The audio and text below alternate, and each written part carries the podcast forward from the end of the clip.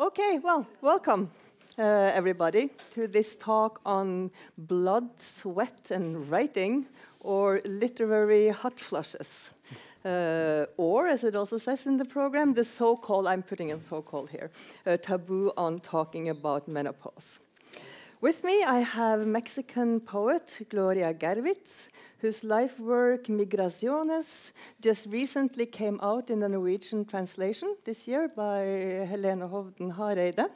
Uh, which is also a translation of the latest version, because this is a work that you have been working on since 1976 until now, constantly revising, changing, adding stuff, and we'll come back to that uh, later. Uh, and also the American poet and essayist Mary Ruefle, who has published numerous collections of poetry, most, most recently this Dunce or Duns? Duns. Duns that came out last year, and that some of you might have also listened to yesterday when she had two, two talks here.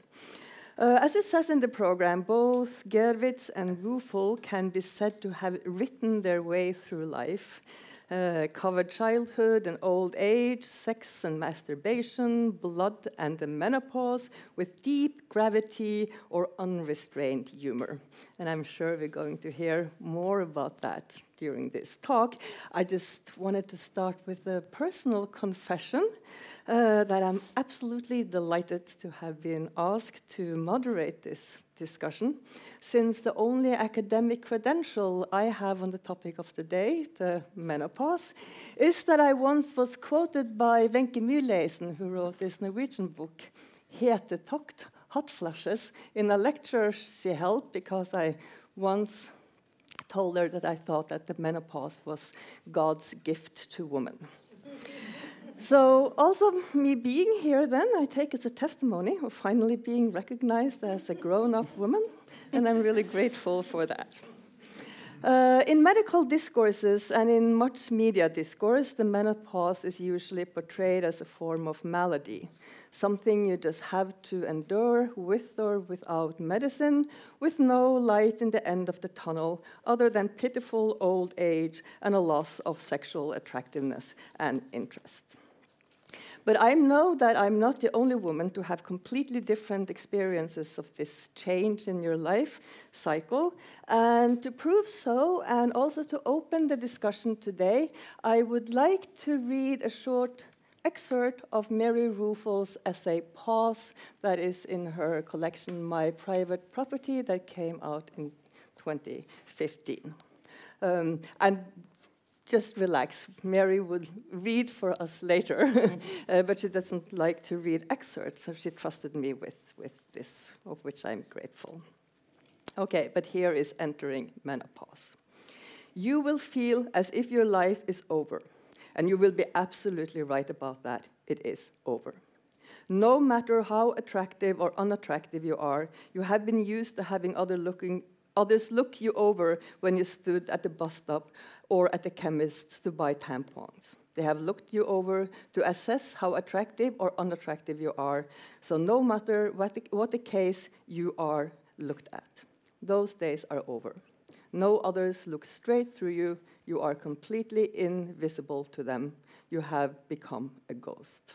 You no longer exist. Because you no longer exist, you will do anything for attention.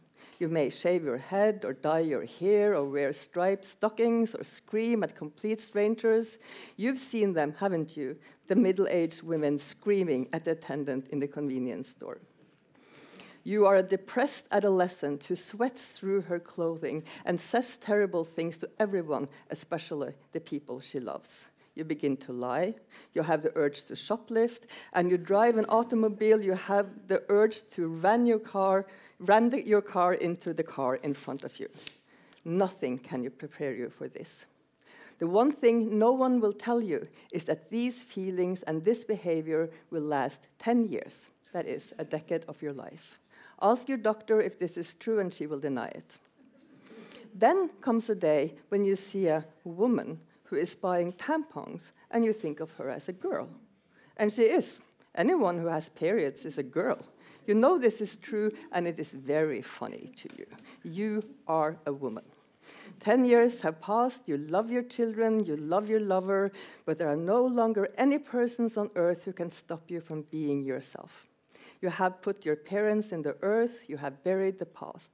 Of course, in the meantime, you have destroyed your life and it has to be completely remade. And there's a great deal of grief and regret and nostalgia and all of that, but even so, you are free free to sit on the bank and throw stones and feel thankful for the few years or one or two decades left to you in which you can be yourself, even if a great many other women ended their lives, even if the reason they ended their lives is reported as having been for reasons having nothing to do with menopause, which is thankful, which is thankfully behind you, as you would never want to be a girl again for any reason at all you have discovered that being invisible is the biggest secret on earth, the most wondrous gift anyone could ever have given you.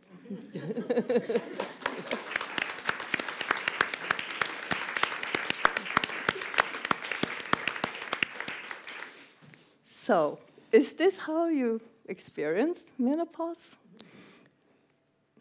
That is not how I experienced menopause, that's how I experienced the aftermath as the greatest gift. Mm-hmm.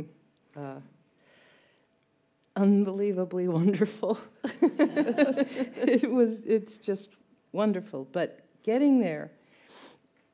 Um, midlife crises are very real. When you're young, you don't. Uh, for men and women, and I was thinking. Uh, you know that the great Divine Comedy by Dante is all about a midlife crisis. I mean, every you know they say that there is a deep, dark forest in the middle of every life. You enter a deep, dark forest. Passing through that forest ta- takes courage. Many don't make it. But if you can pass through that forest, uh, it's extraordinary. It's extraordinary what's on the other side. Unbelievably wonderful. But going through the forest is the hardest thing that I've personally, I'm not, I can't speak for everyone, I'm only speaking for myself, I want to make that clear, that I've, you know, ever done. And it's interesting to me because since passing through that forest, I never noticed this before, but I can look at a man or woman and tell if they're in the forest. and I, mm. you know, I have like met people and without saying anything went, ooh, they're there. There are all sorts of signs that I now pick up on. That I now, but um, my case is probably my individual mm. case is I do, it's only mine. I don't know how common it mm. is, but it was 10 years, 10 years of my life. And, you know, I have friends, and it, it was one week. so I, I'm only always speaking for myself. I would never deign to speak for, for all women or all human beings. Mm. No, but that's true, I guess, because it's a, it is a very personal experience, and, and all kind of research also show that people go through it in different ways, that there are different cultural also uh, differences in yeah. how you go through it. Um, and I was certainly not in that period for yeah. 10 years. Yeah. no, but a year, yeah, and that was tough enough. But how about you, Gloria? How about you, yeah? Well, like you said, it's a very personal experience. Um,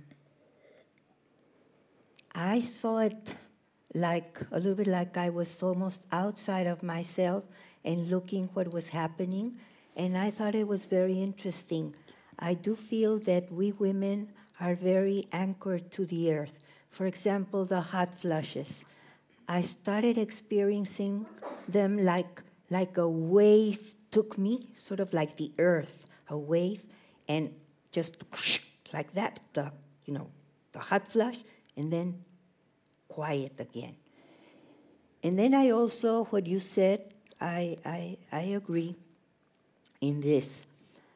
Little by little, first it was like surprise, and but then I started feeling like, wow, I never imagined it was going to be like this. I always thought that being menopause, in fact, I didn't really even know exactly what menopause was because um, in Mexico City, and when I got menopause, and I did come from a family that was very, I would say, my mother and grandmother we were quite prudish, so they, those were not things you talked about. Yeah.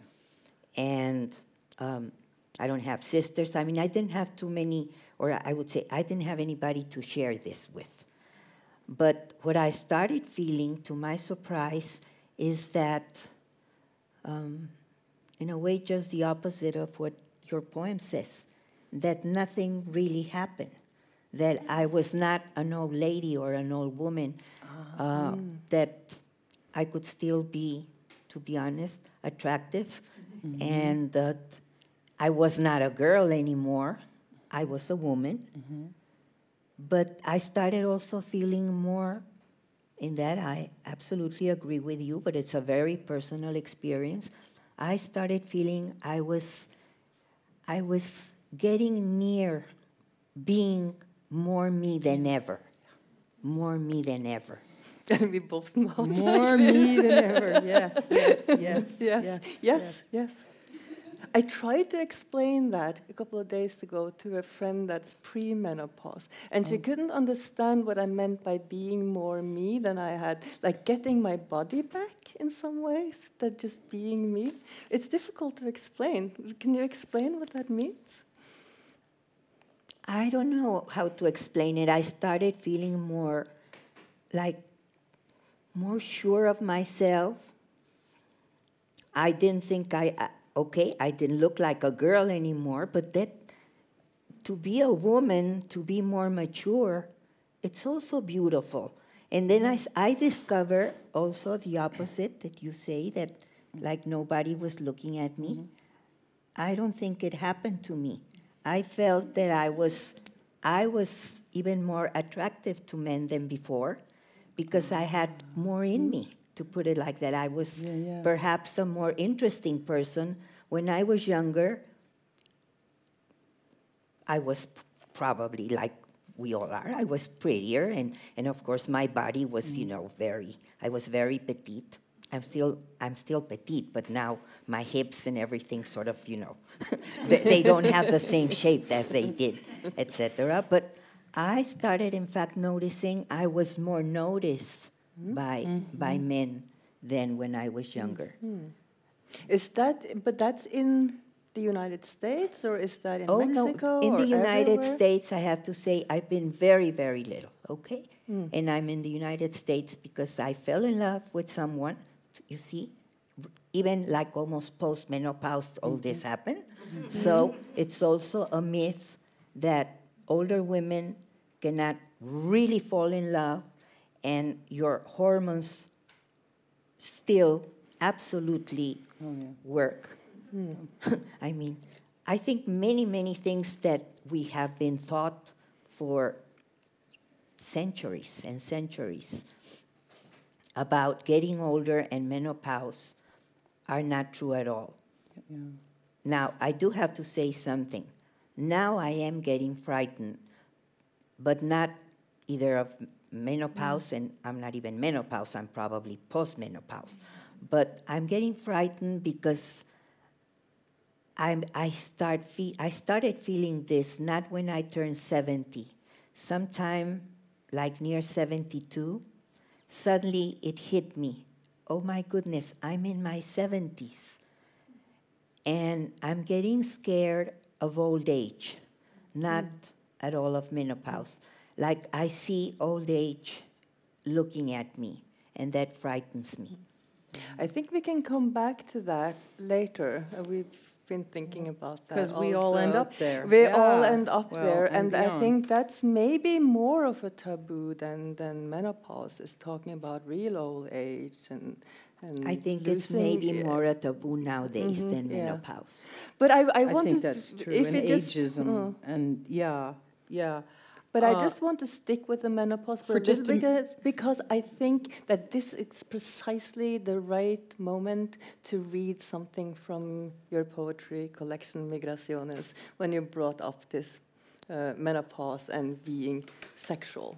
Um, and I've just the, this, the background here is that in this this Norwegian translation, I went through it, and the word menopause uh, occurs once, but it occurs in the middle of a section of poetry that is the most erotic, sexiest poetry that I ever read. ever. And I tried to find it again in my English translation from 2002. It's not there. But it's Oh, not no. there because it's added later. and so we talked about that. And what we would like to do is that Gloria would read some of it in Spanish first, just to get the tone. And then I will read from the Norwegian translation, uh, which is an excellent translation. Uh, and we will talk about it for those who does, don't understand Spanish or Norwegian. Just bear with us. But you have to hear this. Tell me something. Should I read just this little piece in Spanish? I think you should read maybe, if you could read this piece and a couple of more because it changes the tone here, or you can start here and read that. You decide. I think I'll just read like this because if, if most of you don't understand Spanish, I feel that it's okay that I read it in Spanish because that's the way it was, it was written. But if I continue in Spanish, after a while, since you don't understand, it's sort of like it can get tiring. So I'll read just, just a little bit. it says like this. I read more comfortable, not sitting so especially with poetry.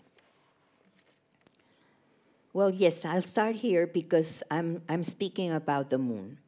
When I say the moon, the moon in I don't know exactly what sense. Y la luna se monta en las azoteas y el calor le quita fuerza y la deja caer y la despoja y la desgaja y la deshace queda una mancha blanca, un pétalo, un hilo, un miedo que no se dice y se hace lodo. Queda la luna quemada por el sol, queda la sangre seca, queda su sombra, queda un eco entre las piedras, queda un ruido roto. Y aunque es ella la que rige los ciclos menstruales, y aunque no hace concesiones con la menopausia y puede ser despiadada con los bochornos y los cólicos y los cambios de estado de ánimo, la luna es ahora solo una respiración, un sueño fragmentado. Estoy sumergida en ese sueño. Estoy sumergida dentro de ti. ¿Tú también tienes miedo?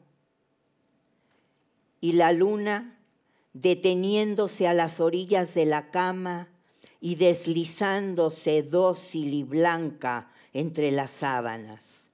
Y tú y yo besándonos con los ojos cerrados y hundidos hasta el último miedo hundidos, hasta los todavía más hundidos besos allí libándonos el uno al otro allí, hundiéndonos el uno en el otro.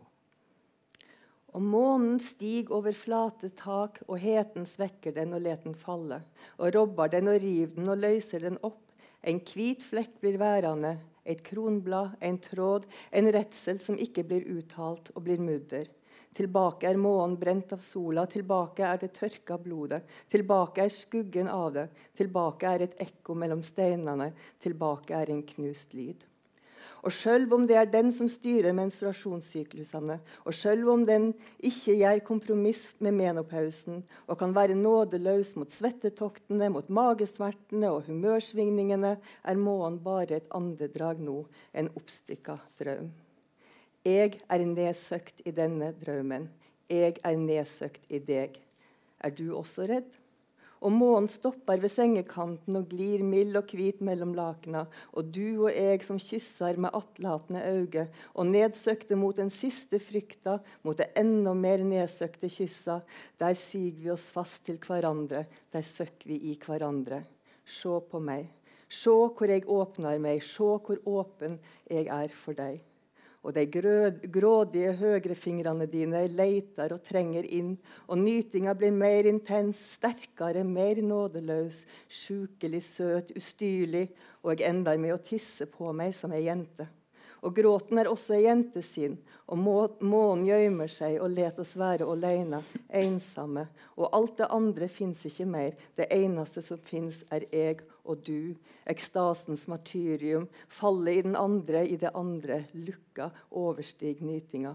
Og med beina spredde, med åpne armer, med åpent kjønn, skjelvende, sølende, sveitende, krossfesta, er jeg i ferd med å dø av kjærleik. Og jeg vet at kjærleiken har den krafta, at en slik død er overdådig, og jeg vet at for å fortjene den må jeg la, la hjarta mitt etast opp. Og jeg visste det fra første kysset. Jeg vet at det tok et helt liv å finne det ut. Jeg vet at jeg like gjerne ikke kunne visst det. Og den såra kroppen overgir seg til lysta, overgir seg til nytinga, let seg nyte. Hva er det vi gjør med hverandre uten å vite hva vi gjør med hverandre? Jeg er der ofra til deg, slikker deg som en tispe, slikker hendene dine, slikker beina dine, slikker kjønnet ditt, går over deg med tunga som ei tispe, usynlige tatoveringer, kyssa mine, spreide små rådyrkoller som leiter etter lukta av mor si, kyssa mine, kyssa mine skjelvende, skjelvende under den mørke månen, mørk som ei perle fra hava i sør. Mm. mm.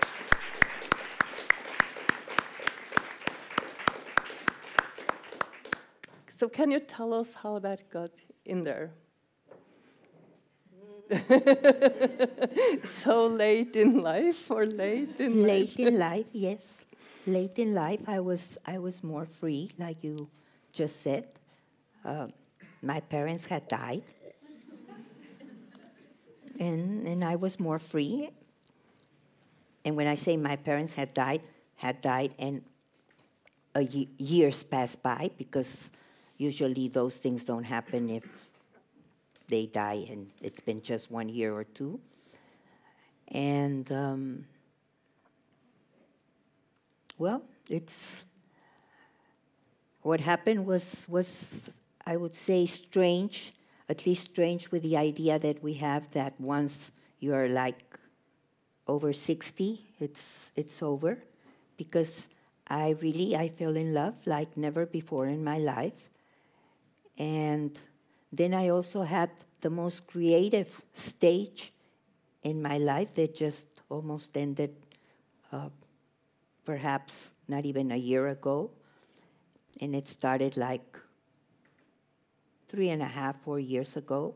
I had the most creative, that's why you cannot find mm-hmm. it in that book, the most creative stage in my life. I wrote like 120 pages that I thought were more or less worthwhile. Of course, some of them have three or four lines, but still, that's the way it is with poetry. So I ended up really feeling that so many things about menopause and, in a way, getting old, even though we're not where we, we ended up talking, mm-hmm, that we say, mm-hmm. let's stop there. Uh, we'll come back to it, but let's stop there um, for a um, while. Well, they're just not true. Mm. If you are lucky enough to be healthy, physically healthy, it might be the most interesting part of your life. And sometimes it's very strange. Sometimes the very best is near the end. Mm-hmm. Near the end. That's, that's a little bit sad, but I think maybe that's the way it is. Because again, you know many more things about I won't say life because that's, that's, that's saying too much, but at least about your life, about you. You feel more sure of yourself, you accept yourself more. Like I said before, uh, I, was, I was quite attractive when I was a young woman, and I never felt that it's now when I see some some pictures, I even say, "Oh my goodness, I, I." That happens to me. It- That's exactly. I, I look when I was young. I thought I was extremely unattractive, and now I look at these photographs of when I was a young woman, and I go, "That ex- yeah happened happened Can to you me." hear her? Yeah, Yes, that I- I happened. just yeah, thought you had happened to- to me, mm. We- and Just I think that has something to do with being your self image when you're younger, your self image when you're younger, and your inhibitions. And once they disappear, Yeah, yeah. is that okay? okay. Yeah, once sounds good. they Okay. di- Sounds good. Once Sounds they good. disappear, and um, Yeah, I'm sorry. It sounds good. Just continue. it's not. Is it good? yeah, Not it is good. It is good. It was just me And, that was um, worried. I have bad hearing. The death of parents is Mm. major, and all for me, all authority figures disappeared. Everyone, teachers, parents, any bosses, all authority figures were gone. They meant nothing to me. They were gone. There was no authority but myself for me. But did and you that also was yeah, mm. huge, But huge. Did that also meant that you got like a new surge of creativity, a new surge of? I mean, we are getting personal here, but Yes, desires no, yes, and drives yes, and yes, and you, but you link that to the loss of authority figures. Or I, I do, and mm. I became yes the free the free the great freedom that comes with the the loss of authority. And I loved my parents, but you know, let's face it, they were authorities, and so long as they were alive, I was their child. And you become no one's child, you know. And I also, there, uh, men had a certain, because I'm of a different generation, and, you know, and I know it's different now, but when I was younger, men had a certain authority. That, and that was gone, you know, co- totally gone. Um, and also standards of everything, standards of behavior, standards of, even in my creative life, uh, standards of writing. I s- suddenly was my own authority. But you also say something interesting bu- at the end of the, the essay, or the end of the Mm. excerpt of the essay that I read, and that is somewhat different from what you Mm. just told us, because you felt that you never lost that kind of attractiveness, you never lost the way that people were looking at you. Whereas you talk a lot about that being invisible, but then end up exactly this being invisible, not being looked at, is precisely what makes you free. That that's the biggest gift. And I guess that's also related to this Yeah. talk about the loss of authority to figures, uh, and that that really resonates with something. If I just can to, the Norwegian author Wenche Mühleisen, who also kind of ends her book talking about this this looking, uh, because you go through a period where you've been used at being looked at, and it's really, for some of us, not for all of us, distressing that people don't see you. But what you then gain when you lose people looking at you, you gain the look, you gain the gaze. And what she's saying that now she's free to look at other people. When now I look at Mhm. older people, I no longer see them as paper dolls. And when I was 20, older people were paper dolls. They were paper dolls. I did not, That's so strange. They I paper- always thought older, older people were, so were, paper dolls. Mhm. I, I did not, even if I respected them, even if they were authority figures, they did not have the reality that my own generation had. They, they didn't matter. They didn't count. They didn't know anything.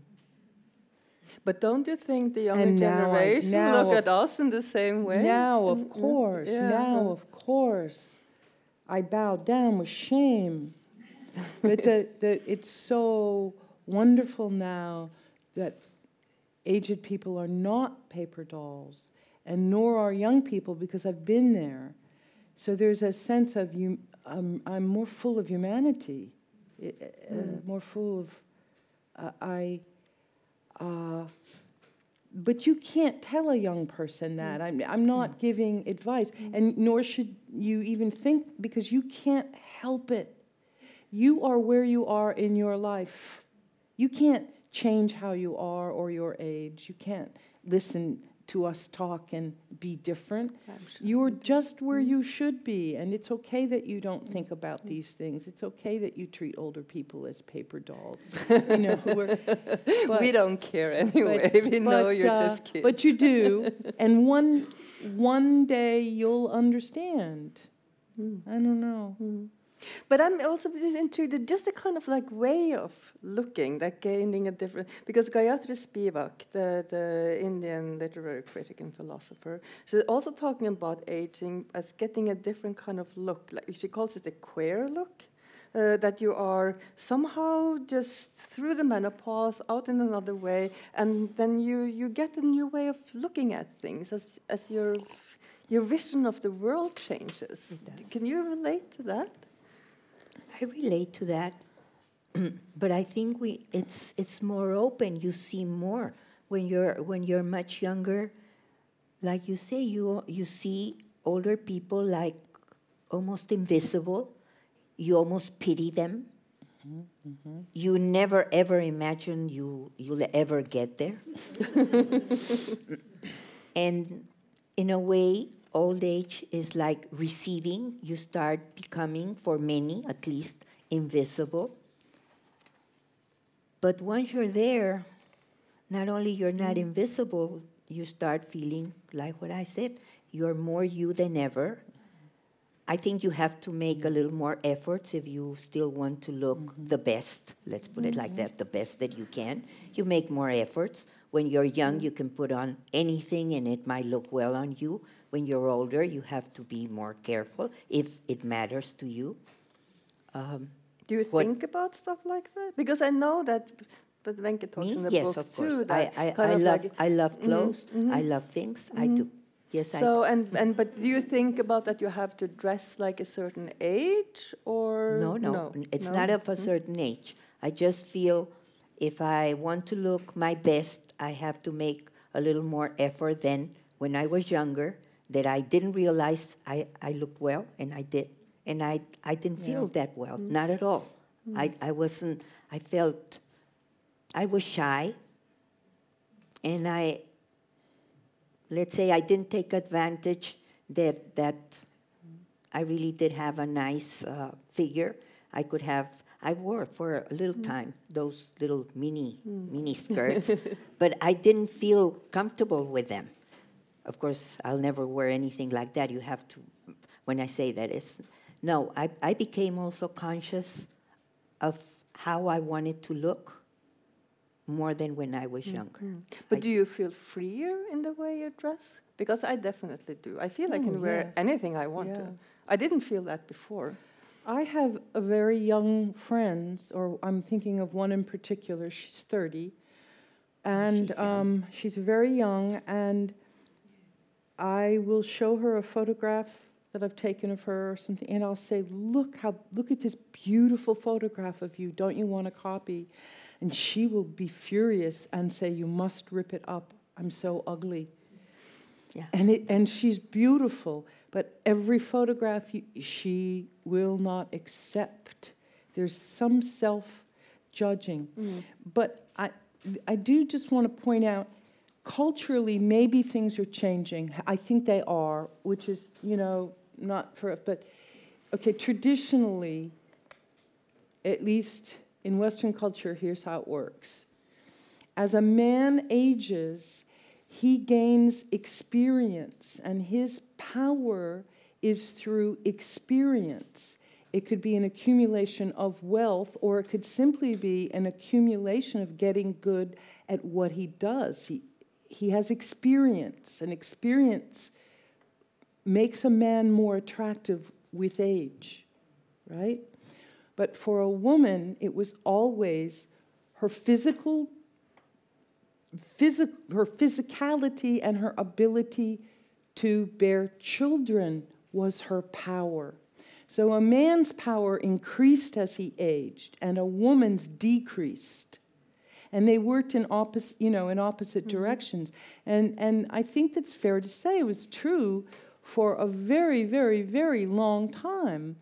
And perhaps it, it is now I think, changing. It is now changing because women now also visibly gain experience and knowledge and wisdom and, and experience, and that becomes attractive. Um, And you have, of course, figures like the cougar and MILF from popular culture, the older women that young men are attracted Mm. yes, and women are now more in Mm. pow- uh, positions Mm, of power in in in all in government and and law and medicine and plumbing and they're mechanics and my carpenter's a woman. But you still see tons of men in their 50s running after women in their 20s. Well, that's their see mi- that but that's their menopause. That's yeah, their they're- yeah, they get over it. But, but That's that, that's because they want like a little doll. But when I was saying that, I, yeah, but when I was, I was saying that I have felt, and honestly, I have, that um, I'm not invisible, let's say, for men. It's because, fortunately, many men now uh, can also see that experience we're talking about and that other kind of beauty that we do gain with age. And we do gain oh we, we become more compassion with, with more compassion. Um, I, I mean experience in general that's you, you can buy it that you gain it. You have to go like you say through that really dark black forest sometimes for not once mm-hmm. but a few mm-hmm. times in your life not once. Mm.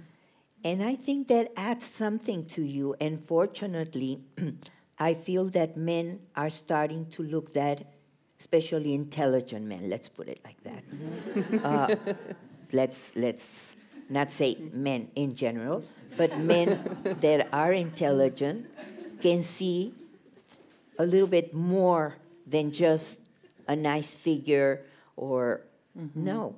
And I think also to being sexy is more than having a nice figure. It's something mm. else. Oh But yeah, th- de- yeah. definitely. Absolutely. I want to say something in f- favor of men. I think I don't know. Oh, there are many things to say. yeah, there are a lot. There are a lot. No, just No. it's. I don't think it's not that they're looking for little dolls. It's simply that it's very natural. They're terrified of aging. yeah. They're so, terrified too. of aging. And if you have a younger partner around, it, it infuses you with their youth. And I've seen it, I've, I've, I've experienced it myself in reverse. Don't want to go there. Oh, you can tell us about that. and um, it's I, I've likened it to two people with straws in, in the same milkshake or glass, two straws, and one is sucking up all the experience of the other, just, and the other is just sucking up all the youth and energy of the other. Eventually, that glass gets empty. But but while it lasts, it's you know kind of normal. So um, yeah, it's t- terror and fear. It's it's it's fear. But then after midlife, after the force, then the the fear is Yeah. gone. Both for men Fear and women, maybe. Yeah, because I know so many friends in their 30s and 40s who feel old. And then I know so many people in their 60s and 70s who feel young, which is mm-hmm. really strange. It's like you mm. have to go get through the 50s. That's the hard mm. part, I guess. Well, now let's go to the old part because I do feel old, you and do I feel do. old. Okay. Yes, I do, and I, and it's old age that now. I mean, you know, I've been. It's been a long time since menopause, Mm. and I don't really care about it or think about it anymore. No. Me neither. My thoughts are my, my my subjects now are aging and Yeah. death. Can you Those maybe can A- you aging and death? can you maybe read? the But you see, you laugh, but Yeah, I, we're not. We talked about talked this. about that, You're but you know- laughing I'm not making, mm-hmm. you are laughing because it is the only way you can respond. You have no other way to, you, we are serious. We're not making a joke. No. We are very serious. But you can't, you see, you can't, you don't know, you have no other way to respond to our preoccupation with death and aging except to laugh, which is okay. It's okay. It doesn't bother me. You can, you can laugh. I just want to point out what's going on because we, I, we, the same thing happened the other night and we, we were talking. And the same time it. happened earlier today when someone talked about Yeah. the woman who died suddenly, Yes, and, and the audience laughed. See, when It's interesting. death is very real to us, it's very real mm. and very close. But it's not only f- us, it's all our loved ones. It's our loved ones. It's, it's our loved, our friends who die every year. Our friends die and our loved ones. And uh, that's, yeah. Do you want to read the short essay Personalia that you talked about Oh, that was, yesterday? uh, because it's this kind of just- uh, young oh, girl, old girl. Because I think it's interesting in relation to Uh-huh. what you're talking about now as well. It's just a little prose paragraph called Personalia. When I was young, a fortune teller told me that an old woman who wanted to die had accidentally become lodged in my body. Slowly, over time, and taking great care in following esoteric instructions, including lavender baths and the ritual burial of keys in the backyard, I rid myself of her presence. Now I am an old woman who wants to die, and lodged inside of me is a young woman dying to live. I work on her. Do you work That's on her? weird. no, I would have. Re- I would. I would change the end now, but You would. um, Why? Tell us. oh Uh, no, I. No. That's just words, but. Um, Is it that at some point? Every day is so precious. Every day mm. becomes so precious. Every day. Every day, every week.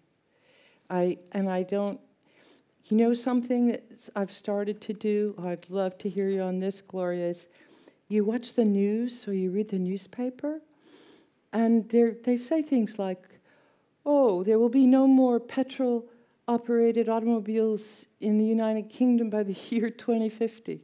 Hmm. oh, this animal, this this town, this coastal town, because of you know climate change, it's not going to e- exist in 2042. And and you, and those every time it's everywhere. Those dates. Well, when I was young, it, they would make the same predictions. You know, well by the year 2000, and I would be there. It was like, well, I'm. It, it would be meaningful. I'm not going to be alive when the petrol cars are banned in the UK. So when that comes on the news, I don't, I can't listen to any of it because I'm not going to be here. You know what I mean? Those dates, and you, and you, I'm not going to be here. I won't be here in 2050. But if you're sitting in the audience, depending on your age, you know you're going to be here in 2050. And But I know I'm smile not. when you're saying it. So Hmm? you smile when you're saying it. Oh, that's so a rhetor- that's an audience rhetorical Okay. hab- no, but I'm unsure. If said, okay, I Oh. don't care. I won't be Oh, here. no, or it if it's it kind of like sadness. we do. I think you Yeah. care. yeah. We care. It's it's it's a strange, sad feeling. Mm. Like I was saying, I'm I'm starting to be afraid, afraid of old age, and of course also afraid of dying. Is this feeling knowing that suddenly, even if if if I want to, uh, like say no, no, it won't happen to me. Of course it will. It's this feeling that perhaps if I'm lucky, if I'm lucky, perhaps I have only eight or ten good years ahead of me. And that's that's all because life is not, at least not for me, it's not a marathon. It's not a matter of uh, living to be 90 or 95. It's the quality of life. And then let's face it, usually sometime in your 80s, if you get to your 80s, I would say between 83, 84. Fortunately, I'm not there at all yet, but I'm getting there after all. You start going down the hill, either mentally or physically, and that's very frightful. That's that's Yeah. sort of like I, I can't picture myself like an old lady, and I will be an old lady almost before I notice it. Hmm. But maybe I just because a lot of people say something similar that it's not the quantity of years, it's the quality of years. But then it's also you have this ability maybe to find other meanings in life. Uh, like an old man I knew that had Parkinson's for many, many years and couldn't walk, couldn't speak. But he had this immense joy in just listening to music and eating good food. And it sounds like, I mean, what a meaningless life, but there's meaning in so many things. Mm, there, there is, but um, we still want to grasp all there is in life. We mm. still want to, to en- enjoy a good meal, to, to do this, to do that. And, and I don't know if I would, I mean, I, it's, it's amazing and, and, and good for that. Per, I mean, like they say, good for him that he still had all mm. that. But I don't know if I could cope with something like that. If something really bad happened to me and I would be main, you said, sort of like that something is really missing, I don't know how I would react. I don't think I would have the strength like that person that you're saying. Maybe I won't have it. And also, as writers, our life, we make our life with our mind, with our mind. And, um, you know, I, I have extreme dementia on both sides. I have, uh, and that I don't want to live. I know when it's, I don't want to live with dementia. Me I mean, being very personal here. And I have talked to my doctor about it. And I do not have a healthy lifestyle, sort of, kind of. And it's all very conscious because uh, I know exactly when the dementia starts in my family. And uh uh no, because my life has been my mind. And I don't want to reach a point where I can't read and write, which becomes impossible, you know, and that I don't remember having ever written anything. Dementia's a huge problem for me personally, for me personally. Dementia. I'm mm. talking about deterioration of, of the I, mind. I know. I know, Perhaps could I know. live without being able to walk? And if I could still read and write, if my mind, Mm. yeah, okay, I could go there, but uh, don't get above my neck, uh-uh, mm. or my uh-uh. Mm. Not, not my. I live a life of the mind, as a writer. So, uh, you begin you begin to become aware as you age of what things in your family are prominent, or, yeah. But Are there greater taboos? We've mentioned this before about talking about these things and about death, the fear of becoming really old and not really menopause. It's just it's not a problem. You, you Mm. go through it. It Yeah. yeah. it can be heavy. It can be really a heavy toll, but you get through it. But for old age, you don't get through it. And I was just reminded when I was younger, I read Jane Somers' Diaries by Doris Lessing. I don't know if you have read it. But read it. that's about a woman going through menopause and having a fling with a much younger Mhm. guy at the same time as she takes care of a really aging elderly neighbor that both her mind is deteriorating and her body is just falling apart and it's this person standing in the middle of life and watching this person who is then maybe 20 30 years older than her and this just the juxtaposition between those two pictures was really, really strong and really is that maybe more difficult. I I love what you said. You don't you don't get through old age. I mean, except through the portal to death, but you don't come out of it. It's permanent.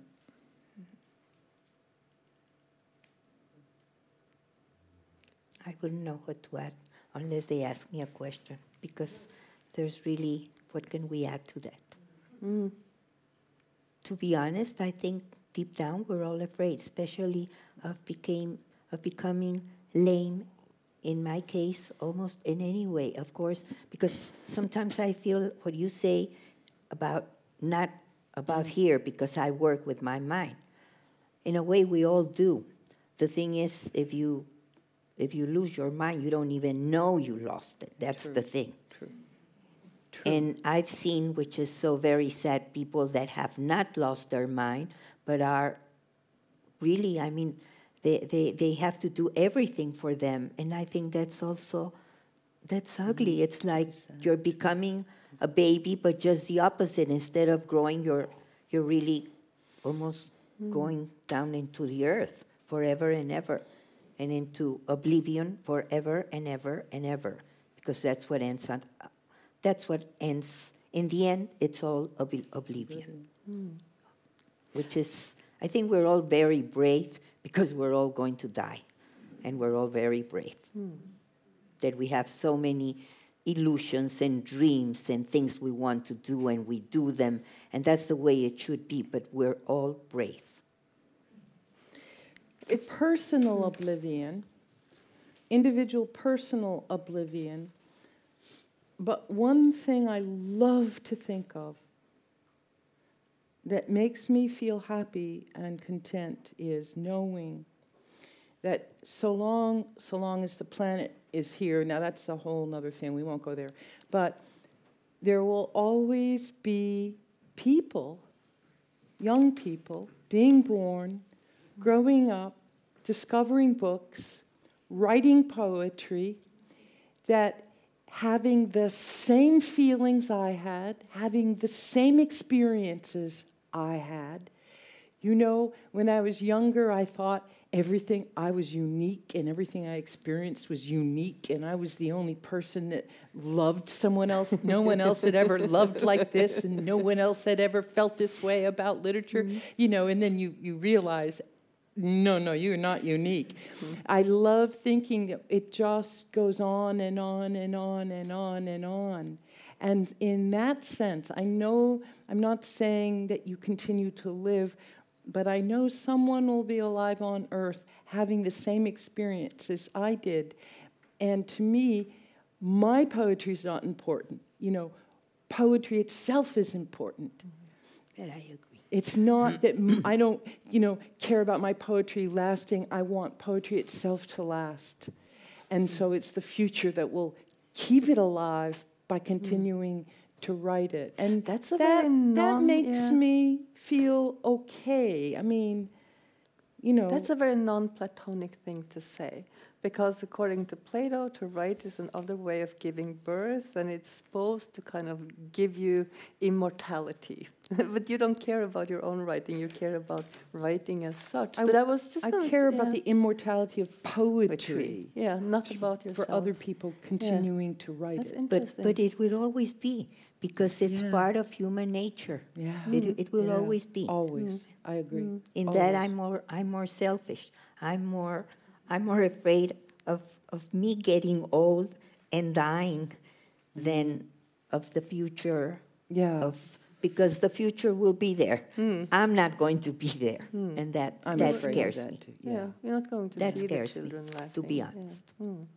I was just going to ask also because we started up. with- I was quoting for from the, the program um, that it said that you had written your way through life, and now I'm starting to wonder: Are you writing also your way to death, and what would that mean? What does your own writing mean as a way of coping with with the end of life, not only through the life? I poetry has prepared me for death.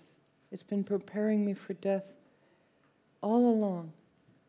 The poetry I've read and the poetry I've written has been preparing me for death, whether or not I was aware of it. And one can never be prepared, I know that. But uh, it has gone a long way in preparing me for death. It has been my church. What do you think? Will you continue writing on migraciones? I, I don't think like you do. I don't think uh, the writing has, the writing and the reading has prepared me for death.